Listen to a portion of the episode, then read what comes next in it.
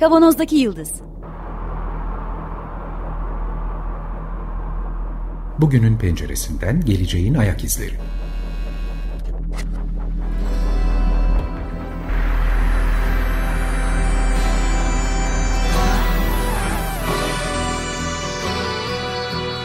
Hazırlayan ve sunanlar İsmail Başöz, Haluk Levent, Mustafa Yılmazer ve Fethiye Erbil.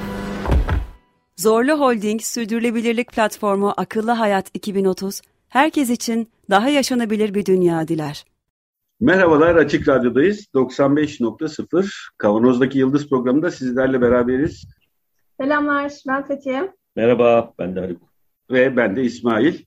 Uzun süre sosyal medya programı konuştuk. Dijital dünyadan bahsettik. Direksiyon değiştirmeye niyetliydik ama yine gündemimize gelen bir takım noktalar oldu. olunca da tekrar e, biz bunu konuşma kararı verdik. Aslında biyopolitika üzerinden sohbet planındaydı. Ancak biyopolitikanın, o Foucault'un bahsettiği biyopolitikanın artık boyut değiştirdiğini, neoliberal düzende başka bir şekilde gerçekleştiği söylemi e, bizim de bugünkü konumuzu daha çok belirledi. Elimizde bir kitap var. Bugün iki sene önce bunun üzerine konuşmuştuk. Byung-Chul Han Psikopolitika üzerine. Ee, şimdi yazarından ve kitaptan çok bahsetmeden önce artık biyopolitikayı psikopolitika olarak gündeme almak bence çok dikkate değer bir öneri en azından. Ki ben çokça katılıyorum. Geçtiğimiz haftalarda, geçtiğimiz aylarda yaptığımız sohbetlerde de artık bizim bu dijital platformların, dijital iletişim çağının algımızı, davranışlarımızı ve her şey, buna benzer toplumsal kültüre dair olan etkilerini gündeme getirince buradaki biyopolitikanın yerine psikopolitika ismini yerleştirmek daha çekici görünmeye başladı bana da açıkçası. Biraz bu kitap üzerinden yürüyeceğiz. Bilmiyorum belki bu hafta biteriz, belki de önümüzdeki haftalarda da devam ederiz ama bir çekim gözükmüyor. Gözükmüyor, yok yok. Bitmez. Devam edelim isteriz. evet, biz dijital medya, sosyal medya e, üzerine konuşurken sosyal ikilem belgeselinden yola çıkmıştık. Felsefesini, psikolojisini konuşmuştuk. Burada bize yol açan, Bunchul Han'ın sohbetimize yol açan söylemleri de gerçekten dikkate değer. Bir teknoloji programında bunu konuşuyor olmak biraz garip ki gelecek. İyice sosyal bir alanda konuşuyor olacağız ama asıl olarak kendi programımız hakkında da teknoloji programı demekten vazgeçelim değil mi? Geleceğin ayak izleri. Ne zaman teknoloji konuştuk İsmail biz? Şimdi kısaca bir tanıtayım. 1980'lerde ee, Almanya'ya gelmiş Korel kökenli bir felsefeci Buyun Çulhan ve bütün eğitimini, e, akademik kariyerini e, gerek öğrenci olarak gerekse daha sonra hoca olarak Almanya'da devam etmiş. E, çok önemli tespitleri var. Tartışmaya değer ve ben gerçekten kendi perspektifimle çokça da kale alıyorum açıkçası söylediklerini. Özgürlük e, noktasından tutun da e, işte büyük dataya, büyük veriye kadar hepsini birleştirerek bir perspektif sunuyor e, bize. E, bu açıdan bizi daha çok ilgilendirdi tabii açıkçası. Daha önceki kitaplarında bu psikopolitikadan önce çıkan çok önemli bir kitabı daha vardı. E, birkaç tane daha kitabı var. Zamanın kokusu, şeffaflık toplumu falan. Ama bundan önceki kitabında e, Buyun Çulhan yorgunluk toplumundan bahsetmişti. Yorgunluk toplumunda da çok kabaca e, söylersek disiplin toplumundan bugünkü kendini özgür hisseden, özgür topluma değil ama kendini insanları kendini özgür hissettikleri tırnak içindeki topluma geçişi ve buradaki e, farklılıkları, buradaki zıtlıkları, çatışmaları e, anlatıyordu. E, bir iki cümleyle özetlemek isterim. Disiplin toplumunun kelimesi you have to do in İngilizce söylersek gereklilikler toplumu olarak ifade ediyor. Ee, evet, yapacak şeyler belli, yapman gereken şeyler belli. Bunu yaptığın zaman survive edebiliyorsun iktidarla, her türlü iktidarla kurulan ilişki bu gereklilikler üzerinden kuruluyor sadece. Ve yaptığın zaman da yapman gereken yani bu işe gitmek olabilir, okula gitmek olabilir, evde yemek yapmak olabilir. Yapman gereken şeylerin adı belliyken, çok fazla da seçenek yokken ortada bunu yaptığın zaman mutlu mesut bahtiyar yaşıyorsun. Çünkü başka bir gereken bir şey yok, yapman gereken bir şey yok. Bu disiplin toplumunun yapmalısın kelimesiyle özetlenebilecek perspektifi. E, şimdiki toplumda tamamen gerçekleşmemiş olsa bile henüz e, büyük bir oranla artışını, hızlanmasını görüyoruz. Yine İngilizce söylersek you can yapabilirsin. Çok çekici geliyor değil mi laf? Bu bir özgürlük veriyor aslında. Bu da insanların yapabilirliğine olan güven pardon inancını biraz da inanç boyutunda kalıyor. Çünkü bilgiden çıkıyor. Her şeyi yapabileceğine inanan bir insan profilinin gelişmekte olduğunu söylüyor. İşte kendini gerçekleştirmek için de aynı zamanda bu yapabilirlikler üzerinden ilişki kurunca bir handikap çıkıyor ortaya. Yapamamanın, bu yapabileceğine inandıktan sonra bir şeyi gerçekleştirememenin depresyonuyla baş başa bıraktığını söylüyor. Doktora tezimi yazarken ben yani. Bütün doktora tezi yazanların başına geliyor.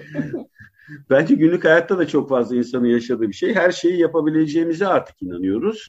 Bu noktada da yapamadıklarımızın derdiyle çok fazla uğraşmaya başlıyoruz ve e, kendimizi yapamadıklarımız yüzünden başarısız. Ama bu çok eski bir problematik. Aziz Nesin rahmetli e, böyle bir fotoğrafı vardı onun. Yaz, o kısa boylu bir insandı biliyorsunuz. Yazdığı kitapları üst üste koymuş. Tam böyle boyu kadar kitap yazmış. Tamam mı? Onun önünde diyor ki ben dünyanın en borçlu insanıyım. Hı. Niye? E çünkü daha yazmam gereken dünya kadar kitap var ama onu yapacak ömrüm yok herhalde diye e, söylüyordu. Dolayısıyla herkes borçlu. Herkes borçlu. evet bir de kendi kendimize yarattığımız Aziz Nesin'in dediği gibi kendi kendine yarattığı bir borç bu aslında. Başka bir kitap örneği güzel bir anekdot ama çok benzer olmasa da bile sevdiğim bir şeyi burada paylaşmak istedim. Yani binlerce kitabı olan bir filozofla yapılan bir görüşme. Bir, ismini hatırlamayı çok isterdim ama hatırlayamıyorum. Bağışlayın beni gerçekten. 3000'e yakın kitap var. Evin bütün duvarları neredeyse dolu. Soruyorlar röportaj yaparken hepsini okumadınız herhalde. Okumuş olamazsınız değil mi diyor. E, tabii ki okumadım diyor. Tabii ki okumadım ama peki niye bunlar hepsi evinizde? Daha okumam gereken ne kadar çok şey olduğunu hatırlatıyor. Bilmediğim ne kadar çok şey olduğunu hatırlatıyor bana diye söylüyor. Peki Bunchulhan bu süreci şeyle kurmuş. Yani dijital ortamla, dijital iletişimin getirdiği hayatla bağlantı kurarken öncelikle buradan insanın özgürleşme sorununa bağlantı kurmuş. Yani biraz önce bahsettiğimiz yapabilirsinle yapmalısın arasında. Yani eski disiplin toplumuyla şimdiki toplum arasındaki etkileşim, pardon değişim, dönüşüm üzerine çıkarımları var. Burada çok önemli birkaç tane yeni tanım var. Yeni olmasa bile hani denk düşen e, birçok insanın kullandığı birkaç tanım var. Benham'ın e, yarattığı ve Foucault'un da çok üstünde durduğu panoptikon hapishanesi vardır. Bu hapishanede merkezde duran bir izleyici, gözleyici ve çevresinde bu gözleyicinin sadece bu gözleyicinin herkesi görebildiği bir hücreler bütününden oluşan bir bir, bir hapishane, bir bina var burada ve e, ortadaki gözleyici herkesi görüyor. Tek bir açıdan görüyor. Foucault'un şöyle bir eki var bildiğim kadarıyla. Yani ben şeyin Bentham'ınkini bilmiyorum. E, hatırlamıyorum daha doğrusu ama Foucault'da izlenen kişi bir süre sonra izleyicinin orada olup olmadığı hakkında da fikre sahip değil. Şimdi o tabii bu e, Çulhan'ın yaklaşımına çok daha uygun bir şey. Yani aslında o panoptikon Çulhan'ın ve belli ölçülerde Foucault'un kurgusunda bizim kendi yarattığımız ve kendimizi hapsettiğimiz bir hapishane gibi e, değerlendirilebilir. Evet. Yanılmıyorsam yani çok iyi bir... Ee, yani çok benzer bir şey bence de katılıyorum ama e, yine de başlangıçta ilk tanımlanan disiplin toplumu gözetimi olan Panoptikon hapishanesinde e, bir gözleyici var başta. Var. Öncelikle var. Bir süre sonra o gözleme kulesinin içerisindeki kişi orada oturmasa bile baştan bilindiği için onun gözleyicinin orada olma ihtimalinin bir gerçeklik haline gelmesi söz konusu. Yani orada olsa da olmasa da gözleyici başta vardı. Bu yüzden de hala var olma ihtimalinden bahsediliyor. Bir Kuantum belirsizlik durumu var yani. evet. Schrödinger'in kedisi gibi değil mi yani? Olasılık. Olabilir de olmayabilir de ama o artık var orada. Artık öyle gerçekleşmiş ama önemli olan sadece bir noktadan herkesi gören ama gözlenenlerin ya da tabi olanların diğerlerini çok fazla görmedikleri bir organizasyondan bahsediliyor bu noktada. Şimdi Çulhan dijital panoptikonu gündeme getiriyor. Dijital panoptikonla artık evet bir gözetleyen gene var ortada ama hiç yokmuş gibi bir his var. Biraz önceki yaptığımız tartışmada yani bizi, biri bizi gözetliyordu. Şimdi orada olsa da olmasa da hala gözetleniyoruz. Hissinin dışında ya gözetleyen kimse yok duygusunun gerçekleştiği. O, herhalde bu, bu anlatımda tabii o panoptikonun tersi değil mi? Yani o özgürlüğü de o, o şeye oturtuyor. Yani gibi. Panoptikonda aslında bir gözetim, gözetim sistemi var. Başlangıçta gözetleyici de var ve biz onu hep orada var kabul ediyoruz. Ama şimdi yine bir gözetim sistemi var ve çok daha gelişmiş bir şey. Her hareketi bizi e, takip etme kapasitesine sahip. Ama biz hiç gözetim yokmuş gibi davranmayı Mesela WhatsApp diyor ki arkadaş ben senden her şeyi alırım. Bir süre itiraz ediyoruz. Bir bölümümüz. Bir bölümümüz diyor ki ya niye itiraz ediyorsunuz ki yani ne var? Sonra o itiraz edenler de bugünlerde mesela kabul ediyorlar gözetlenmeyi. Yani bunun, bunun bir e, meşruiyet temeli oluşmuş halde. Aslında. Ondan daha fenası hayatımızın her anı, toplumun önemli çoğunluğu kendiliğinden paylaşıyor. Bir biri paylaştığı evet, evet. ve bu bir da, meşruiyet kazandırdığı için popülerlik Beni para... gözetleyin diyor değil mi? Evet. E, biri gözetleyin değil. Beni gözetleyin ben de sizi gözetliyorum diyor. Tam da söylediği bu. Şimdi bunu bağlayayım dijital panoptikon ve panoptikon hapishanesiyle.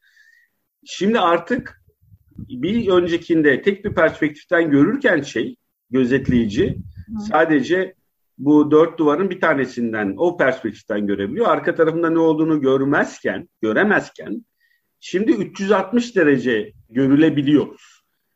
Ve bunu da sağlayan aslında bakan değil, biz birbirimizi gözetmeye, gö, pardon, gö, e, gözlemlemeye mi, gözetmeye mi, gözetim toplumu dersek eğer, korumak anlamında gözetmek değil bu söylediğim şey. Takip etmeye, izlemeye ve kendimizi takip ettirmeye, gönüllü katılmaya giriyor. Faş etmekte diye bir terim var. Faş etmek. bu noktada gerçekten aslında gözlemek, gözetlemek niyetinde de değil insanlar sözde. Bunu sohbetin başındaki yapabilirlikle bağlayalım. Her şeyi yapabiliriz, her şeyi konuşabiliriz, her şeyi izleyebiliriz. Ne var? E güzel bir tarafı var bunun tabii. Yani disiplin toplumuyla karşılaştırdığımız zaman gerçekten bir bir özgürlük hissi var. Fakat aynı zamanda bir performans anksiyetesini de yanında taşıyan bir durumla karşı karşıya kalıyoruz. Bunu tekrar kenara koyayım. Bu başka bir yola sokar bizi. Şimdi ondan bahsetmeyeceğim. E, Buyun Çulhan'ın söylediği bu herkesin birbirini izliyor olması hali bu sefer özgürlük tanımıyla ilgili işte bu kitabın muhtemelen tartışacağımız Haluk'un da muhalefet şerhleri taşıdığı kısmıyla denk geliyor. Noktalardan bir tanesi sadece. Başka Peki. Orada kendini özgürlük adına adadığı yer aslında kendi sömürüsü olarak söylüyor. Kişinin kendisini sömürüsü. Yine bu lafı da ben anladığım kadarıyla şeyle birleştireceğim.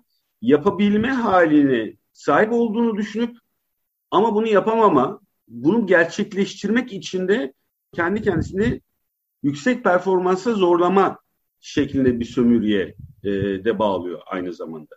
Bu sadece psikopolitika kitabından değil, bahsettiğim yorgunluk toplumu kitabını da birleştirdiğim zaman böyle bir tanımla ben e, açıklayabiliyorum ki izliyoruz da. Sadece izliyor değiliz, kendimizde de gördüğümüze eminim. Yani hepimiz artık bu akarsuyun içerisine girmiş durumdayız. Miktar.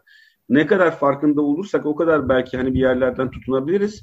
Ama bunun içerisinde çok akan bir haldeyiz. Bir yandan kesinlikle de yani. Ee, şimdi bu bildiğimiz Foucault'un bahsettiği, Bentham'ın tanımladığı panoptikonda sakinler birbirinden yalıtılıyor. Diğerlerini görmüyor. Hı hı. Ve disiplin toplumunun gereği bu insanların birbiriyle iletişime geçmemesi gerekiyor.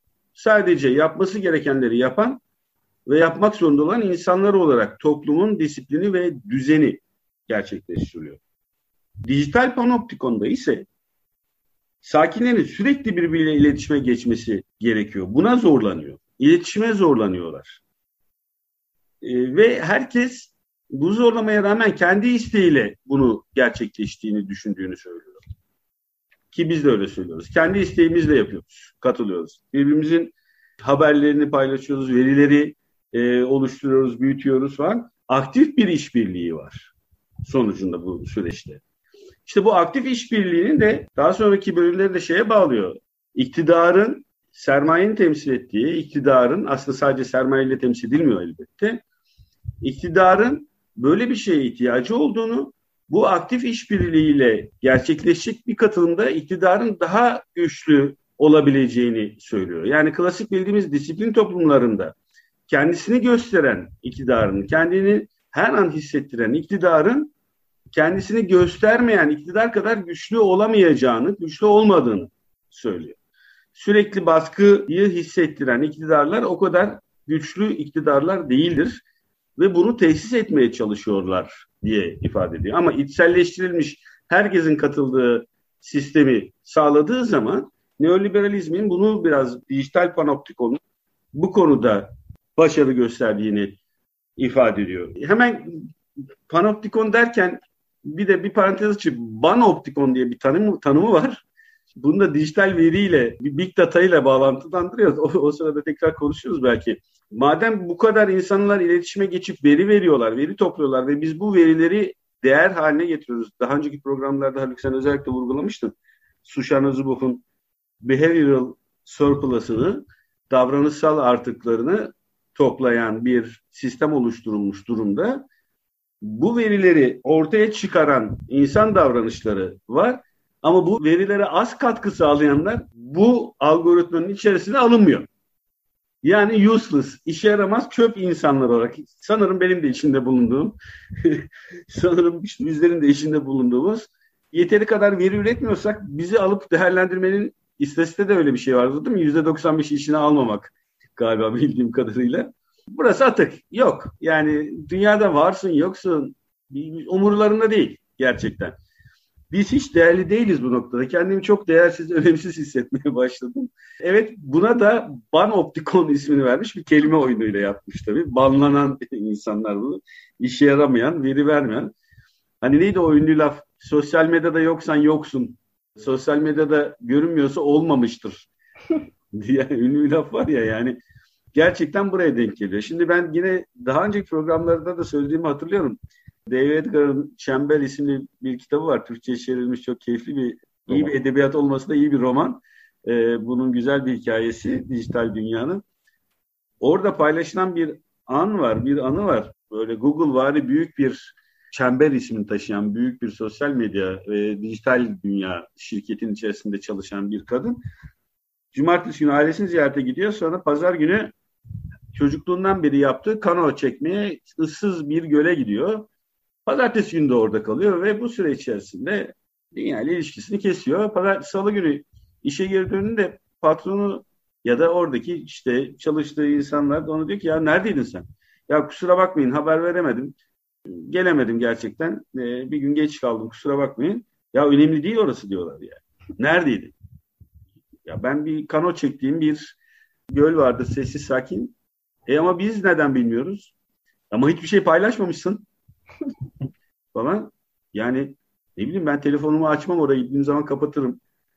Hiçbir şey paylaşmadın. Yani biz biz göremedik, biz tanık olamadık falan. E ben kapatırım telefonumu. Hiç, hiçbir böyle bir iletişime girmem diyor kadın. Ama bu çok büyük bir bencillik diye söylüyor. Çok bencillik. Yani hani paylaşacaktık. Hani her şeyimizi paylaşacaktık. Hani e, bu bir önemli bir ahlaki değer değil mi bizim için? Niye bu kadar bencillik yapıyorsun? Neden insanlar senin bu gittiğin yeri başka insanlar göremiyor? Belki onlar da faydalanmak isteyecekler. Lütfen iyi insan olalım, ahlaklı insan olalım. Ne yapıyorsak paylaşalım diyerek söyleniyor. Ben böyle anlatınca ben paylaşmak kelimesini e, yeni gelişen anlamındaki farklılığı şu anda fark ettim. Yani paylaşmak bir başkasıyla kendine ait bir şeyi paylaşmak, ikiye bölmek vesaire, onun da bir ihtiyacını karşılamak gibi böyle bir dayanışma ifadesi de içeren bir kelimeyken sosyal medyadaki paylaşmak göstermek anlamına geliyor sadece. Değil bunu mi? paylaştın mı, bunu gösterdin mi? Bu da ilginç. İşte bu şekilde izlenen bireyler bu dijital panoptikonun sözüm ona kendi iradesiyle yaptığını düşünen paylaşımları, tırnak içinde paylaşımları yaptığını e, düşünen bireyler tabi olmadıklarını düşündükleri halde başka bir e, organizasyona tabi olarak hepimiz gibi e, tabi olarak yaşıyoruz aslında. E, bu noktada çok benzer bir ruh haline yine giriyoruz ama fark daha önceki programlarımızda da defalarca söylediğimiz gibi bunu aktif olarak aktif işbirliğiyle kendimiz yapmış oluyoruz. Niyet bu olmasa bile bizim seçtiğimizi, kendi seçtiğimiz, kendi istediğimiz için bunu yaptığımızı düşünerek gidiyoruz. Bu noktada artık şeyin o ilk bahsettiğimiz hapishane Panoptikon hapishanesindeki merkezdeki gözleyicinin e, asli görevi ortadan kalkıyor. Şimdi burada belki bu özgürlük kavramını bir parça oturtabilmek için şeye e, bahsedebiliriz. E, serbestlikle özgürlük arasında bir önemli bir fark var. Serbestlik herhangi bir şeyi yapma iradesine ne sahip olma hali aslında. Ama çizilen sınırlar içerisinde tabii. Ya da yapmama iradesine. Ya da yapmama. Yani serbestsin yani. Onu yapabilirsin, yapmayabilirsin falan filan. Ee, burada kastedilen özgürlük biraz daha ona yakın herhalde. Ee, başka bir küçük cümleyle gireyim ama şunu da söylüyor. Mesela düşünce özgürlüğünü verilerin seçenekler arasından seçme özgürlüğüne indirgendiği üzerinden konuşuyor. Yine hani serbest gibi düşünüyorsun ama senin sınırlandığın alan içerisinde bu seçim yapıyorsun. Mesela yine konuşuruz diğer bölümlerde belki ikna etmek ve kendisinin bu işi yaptığını düşündüğünü hissettirmek bu insanlara iktidar için çok daha başarılı sonuçlar doğuruyor. Mesela diyelim ki bugünlerde çok yaygın olan, son yıllarda çok yaygın olan bitkisel ilaçlar, vitaminler vesaire sık sık karşımıza çıkıyor. Herkes her yerde bunun satışını yapıyor. Ve insanlar da doğal beslendiğine inanarak, doğal ürünlerden faydalandığına inanarak gayet de iddialı bir şekilde bunlardan tüketmek için o sitelere girip bu ilaçları alıp ilaç da değil bunlar tüketiyor. Şimdi bunlar kendi istekleriyle bu insanlar kendi istekleriyle yaptıklarını düşünüyorlar. Halbuki artık o kadar belirlenmiş bir çerçeve var ki buradaki seçim kendisinin yaptığını düşünmesine bir özgürlük yanılsaması olarak ifade ediyor. Benim anladığım kadarıyla. Çünkü bu örneği ben verdim. Ama bu örnek üzerinden yürürsek buradaki özgürlük hissi üzerinden başka türlü bir okuma söz konusu olabilir. Bu benim kendi verilerimle birleştirdiğim nokta tabii açıkçası. Bununla hemen şeyi de birleştireyim. Sohbetin en başında söyleyeyim. Yapmalısın ile yapabilirsin arasındaki farkta yapmalısının sınırları var. Hı hı. Yani orada sınırlar, yapabileceğin şeylerin sınırları var. Daha doğrusu yapabileceğin değil. Yapman gereken şeylerin sınırları var. Yapman gereken şeylerin sınırları belli. İşe gideceksin, para kazanacaksın, zeytin ekmek alacaksın eve. İşte yaşamsal ihtiyaçlarını gidereceksin. Yapabilirsinin sınırı yok. Bu da insana, insan evladına çok daha büyük bir zorlama getirdiğini söylüyor. Bu sınırsız olmak seçeneklerimizin, sen söylemiştin Haluk, o kadar çok seçeneğimiz var ki seçemeyeceğimiz kadar seçeneğimiz var. Benim çok hoşuma giden bir laftı. Bunu tekrar hatırlatmak istedim. Seçeneklerin fazlalığı bizim seçim yapmamızın önünde neredeyse tek başına engel olarak duruyor. Bu da özgürlük hissindeki yine tartışılacak bir yanılsamayı karşımıza getiriyor. Bunçulhan bu arada Orwell'dan da destekleyerek özellikle Dost Big Brother bölümünde e, bu, bu tanım da benim için çok hoş. Dost Big Brother. Çünkü o görevini devretmiş olan Big Brother var ya izleyen. Artık biz birbirimizi izlediğimiz için o görevini devretmiş durumda şu anda. E, iyi davranan, yapabilirsiniz, destekliyorum sizi, her şey yapılsın ve böylece e, bunu ben ekliyorum tabii. Böylece bütün verilerinizi ben toplayacağım diyen Dost Big Brother'ı e, bir pasaj okuyarak gireyim. Orwell'ın gözetim devletini tanımlayan olumsuzluk yerini olumluluk ilkesine bırakır, ihtiyaçlar bastırılmaz, teşvik edilir. İşkenceyle elde edilen itirafların yerini gönüllü kendini sergileme alır. İşkence odasının yerine akıllı telefon geçer. Big Brother dost bir çehre takılmıştır.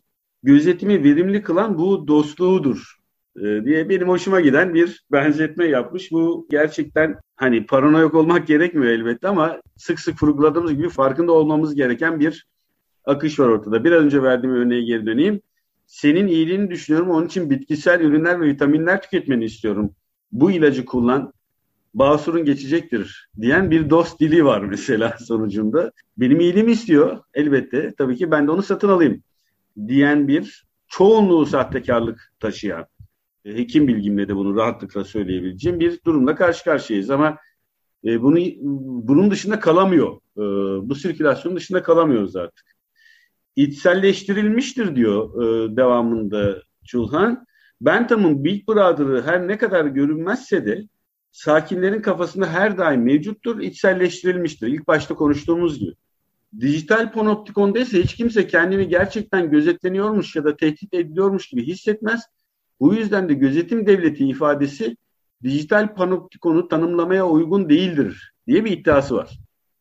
Burada insan kendini özgür hisseder.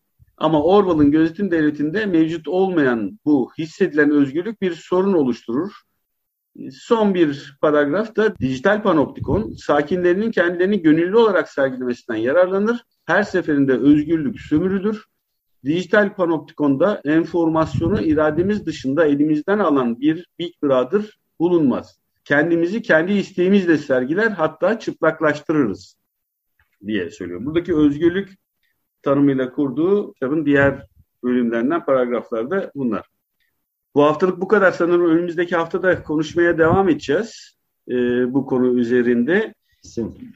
Buyung Chul Han Metis yayınlarından çıkmış Haluk Barışcan tarafından çevrilmiş Psikopolitika kitabı alt başlığı Neoliberalizm ve Yeni İktidar Teknikleri üzerinden sohbet etmeye başladık.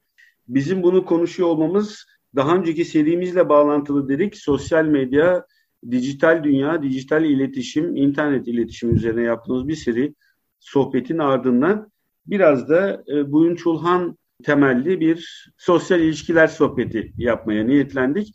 Özellikle yorgunluk toplumu başta olmak üzere diğer kitapları da çok kıymetli ve değerli bence. Önümüzdeki hafta sohbete devam edeceğiz. Bu programın size ulaşmasını sağlayan bütün Açık Radyo çalışan arkadaşlarımıza çok teşekkür ediyoruz. Program destekçimize çok teşekkür ediyoruz. Önümüzdeki hafta tekrar görüşmek üzere. Sağlıkla kalın. İyi hafta sonları. Hoşçakalın.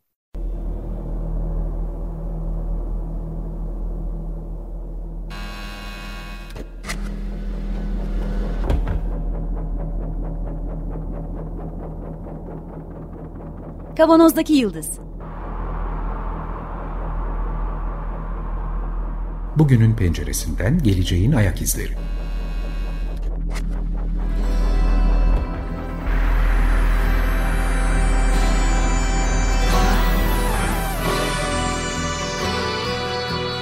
Hazırlayan ve sunanlar İsmail Başöz, Haluk Levent, Mustafa Yılmazer ve Fethiye Erbil.